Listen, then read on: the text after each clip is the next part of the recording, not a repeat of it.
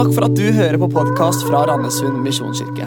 Denne talen er spilt inn på en av våre gudstjenester, og vår visjon er å hjelpe mennesker til tro på Jesus og et liv med Han. Gå inn på mkirken.no eller Randesund misjonskirke på Facebook for mer info.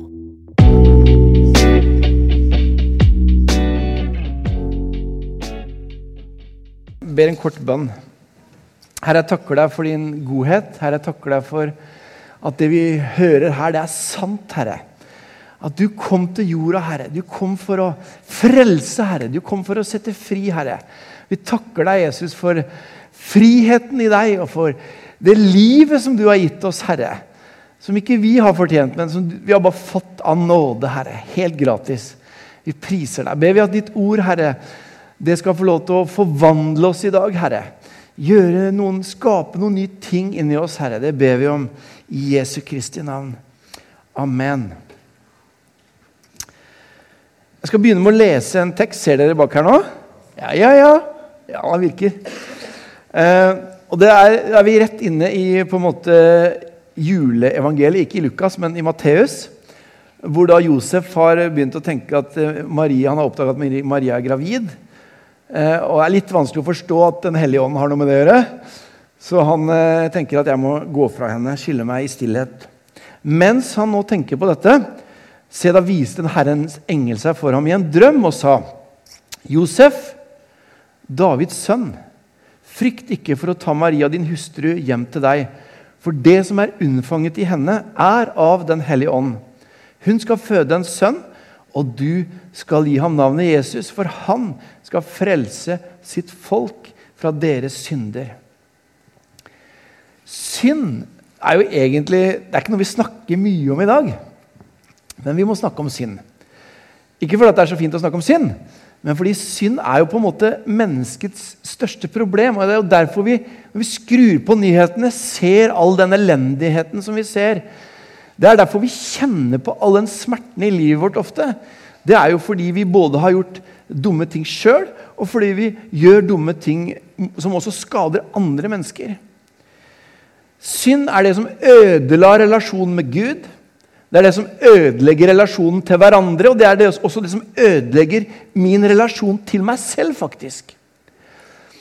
Men Jesus han, han har ikke liksom en sånn syndekatalog hvor han setter opp sånn og sånn og sånn, og dette er verre enn det andre. Men han sier egentlig synden er at de ikke tror på meg. Synden er at mennesker ikke lever i og med Han, og ikke har fått del i det livet som Han egentlig har å tilby. Jeg tenker at noen ganger Når vi snakker om synd, så er det veldig fort at vi tenker på en sånn åndelig, juridisk måte. At synd det er noe som stenger i forhold til Gud. Jesus kommer ned. han han dør på korset, tar all straff og synd på seg. og Det er liksom kjernen i evangeliet. Men det at Jesus faktisk tar på seg straffen og gir oss en mulighet til å bli fylt av Hans ånd, det gjør at det skjer noe mer enn bare en sånn juridisk greie mellom meg og Gud som gjør at jeg kommer til himmelen eller kommer til den nye jorda eller får evig liv. Det handler om noe mer. Mitt og ditt liv blir forvandlet. Det får en konsekvens at vi blir frelst fra våre synder. Det får en konsekvens selvfølgelig i første omgang i forhold til relasjonen med Gud. Det får en konsekvens i forhold til relasjonen med hverandre, og det får en konsekvens i forhold til min egen relasjon til meg selv. Og Johannes han sier det så fantastisk i 1. Johannes 4, 14. Og vi har sett, og vi vitner at Faderen har sendt Sønnen som verdens frelser. Og jeg tror Når Johannes skriver dette, så er det mange filmer som går opp i hodet hans. Det ene er at han, han sto og så Jesus dø på korset på langfredag. Men han var også der da Jesus sto opp igjen på første påskedag. Men i tillegg så har Johannes da vandret med Jesus i tre år og sett alt det som Jesus har gjort når han har fridd folket fra deres synd fra konsekvensen av synd, som har ødelagt så mange menneskers liv. Og Det står noe nydelig i apostelgjerningene 1038. Jeg bare tok med dette bildet her, som ikke er bildet av Jesus. det vet vi, det er en skuespiller, Men, men jeg syns det er så herlig å se den derre ser dere den der gleden hos, hos eh, han eh, som da forestiller Jesus? Jeg tenker Sånn er det for Gud når alle disse blinde, disse uten tenner, de fattige, de vannføre, de lamme, de blinde følger etter ham. Barna jubler, ikke sant? Og han, Det er disse som kom for å få frihet. Og det var de han kom for. Og det jeg tenker på Jesus da han gikk på jorda, han sa 'Himmelriket har kommet nær'. Den der, det derre frihetsriket som bryter i stykker de lenkene, som ødelegger mørket. Det frihetsriket som liksom lar lyset bare bryte fram. Se det folket som vandrer i mørket, skal se et stort lys. leser vi ofte nå i adventstida. Og det var det Jesus var. Han var det lyset. Han var den som satte fri. Og Vi ser ofte når Jesus helbreder mennesker i, fra fysisk sykdom, så sier han ofte først 'Dine synder er deg tilgitt'. Han kom for å sette fri fra synd, og han kom for å sette fri fra syndens konsekvens. Så dette begrepet, at han skal frelse folket fra deres synder, det er ganske stort, og det er ganske vidt. I eh, Shelter så har vi en vegg, en mur, hvor det er malt en sånn uh, graffiti. Eh, utrolig flott. Nå ser dere bare et lite utsnitt av det bildet. Det dere ser her, det er noen lenker som går i stykker. Men det som ikke dere ser, det er at bak de lenkene, eller ved siden av de lenkene så er Jesu naglemerkede hender som bryter lenkene. Og så står det i Jesaja 61, 1-3.: Herrens ånd er over meg. For Herren Gud har salvet meg. Han har sendt meg for å forkynne et gledesbudskap for de arme eller fattige. For å lege dem som har et knust hjerte. Rope ut frihet for fanger og frigjøring for dem som er i lenker. Jeg skal rope ut et nådens år fra Herren, en dag med gjengjeld og straff fra over Gud. Jeg skal trøste alle som sørger, og gi de sørgende i Sion hodepynt istedenfor aske, gledesolje for sørgedrakt og lovsang istedenfor motløshet. Og Dette var egentlig de versene som det arbeidet som var før Shelter, nemlig dette ettervernssenteret for tidligere rusmisbrukere, det var liksom de versene de hadde fått til det arbeidet. Og når vi overtar uten at vi tenker over det i det hele tatt, så På en av de første bønnesamlingene vi hadde i Shelter, så plutselig så kommer disse versene til oss. Og Så slår vi opp og så leser vi de. Og da skjønner vi at ja, det er jo det som er malt ute på veggen rett utafor her vi sitter. Og så blir det liksom våre vers også. Og så pleier vi å lese Vi pleier å gjøre om litt, da, så vi sier 'Herrens ånd er over oss'. For Herren Gud har salvet oss. Han har sendt oss for å forkynne et gledesbudskap for de fattige. For å lege dem som har et knust hjerte, og rope ut frihet for fanger og frigjøring for dem som er i lenker, osv. Og så sier vi å gi de sørgende på shelter, hodepynt istedenfor aske, gledesolje istedenfor sorg, og lovprisningsdrakt istedenfor motløshet. Dette leser vi når vi er i bønn sammen. Og det gjør noe med oss. Det gir en forståelse av at det som Jesus leste i synagogen i Nasaret, som på en måte var hans programerklæring, og det var det han gikk rundt og gjorde Han reiv disse lenkene i stykker. Han reiste de undertrykte opp. Han helbredet de syke. Han til og med vekte opp døde mennesker som var fysisk uh, døde. Han gjorde godt, står det. Han gikk rundt og gjorde godt. Og det var dette som Jesus hadde tenkt, tror jeg, at vi også skulle få ta del i. Så jeg tenker sånn at Jesu programerklæring, det er din og min programerklæring. Det Jesus ble sendt for, det ble også vi sendt for å gjøre. Skal lese, vi skal lese en liten tekst til. Nå forsvant den klokka der oppe. Jeg vet ikke om det var bevisst, men det er veldig fint. Da, for da kan jeg liksom bare kjøre på. og Jarle, du bare kommer opp og plukker meg ned når tida er inne. Eh, nei da. Johannes 20, 19-21. Og nå er det liksom oppstandelsesdagen. Det var om kvelden samme dag, den første dagen i uken. Av frykt for jødene hadde disiplene stengt dørene der de var samlet.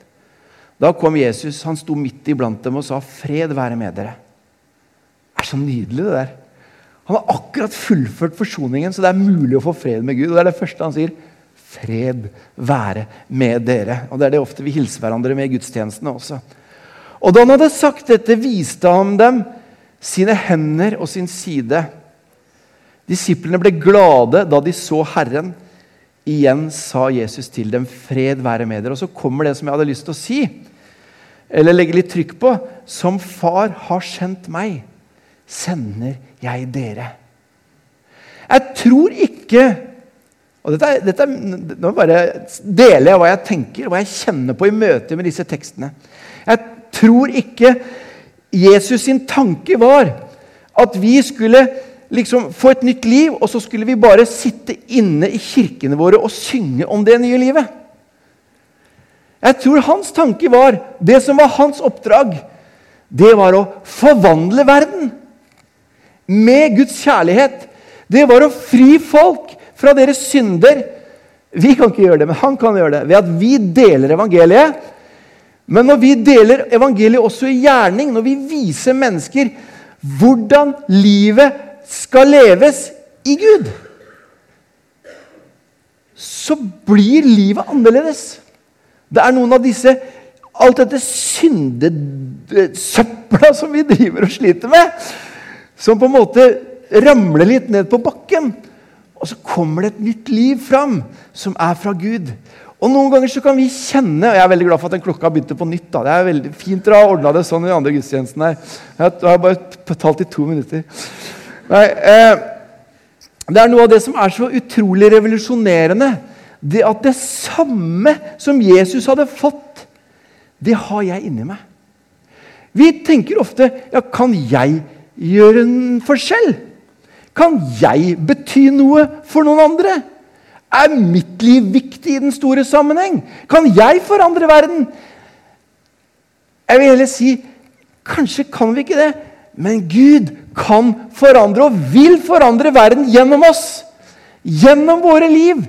Det er hans mål at hans kirke fortsatt skal gå rundt og si 'Himmelriket er nær' og demonstrere det gjennom levd liv. Ikke sant? Sånn at konsekvensen av den der syndedritten som vi driver og drar med oss, reduseres. Sånn at mennesker som ligger nede, reises opp. Sånn at syke blir helbredet. Sånn at mennesker som føler seg i utenforskap, kommer inn i varmen. Sånn at mennesker som egentlig har fått ødelagt livet sitt, som har mista alt, kanskje mista alle tingene.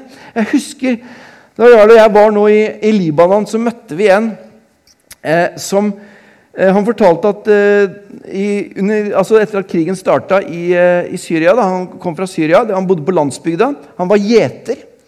Sånn som David var gjeter, sånn som gjeterne som fikk se englene på Betlehemsmarken. Han var gjeter. Han var ute og gjette sauene en dag. Og eh, Krigen hadde starta, og så kommer han hjem etter en lang og krevende dag ute på ikke Betlehemsmarken, men Syriamarken.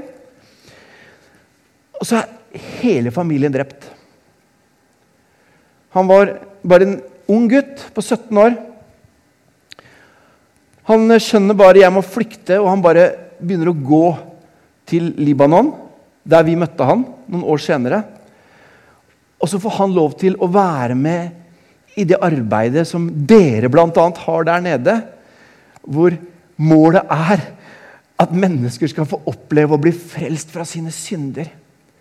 At de skal få møte Jesus Kristus og få gjenoppretta relasjonen med Gud. Men at de også skal få et oppreist og nytt liv.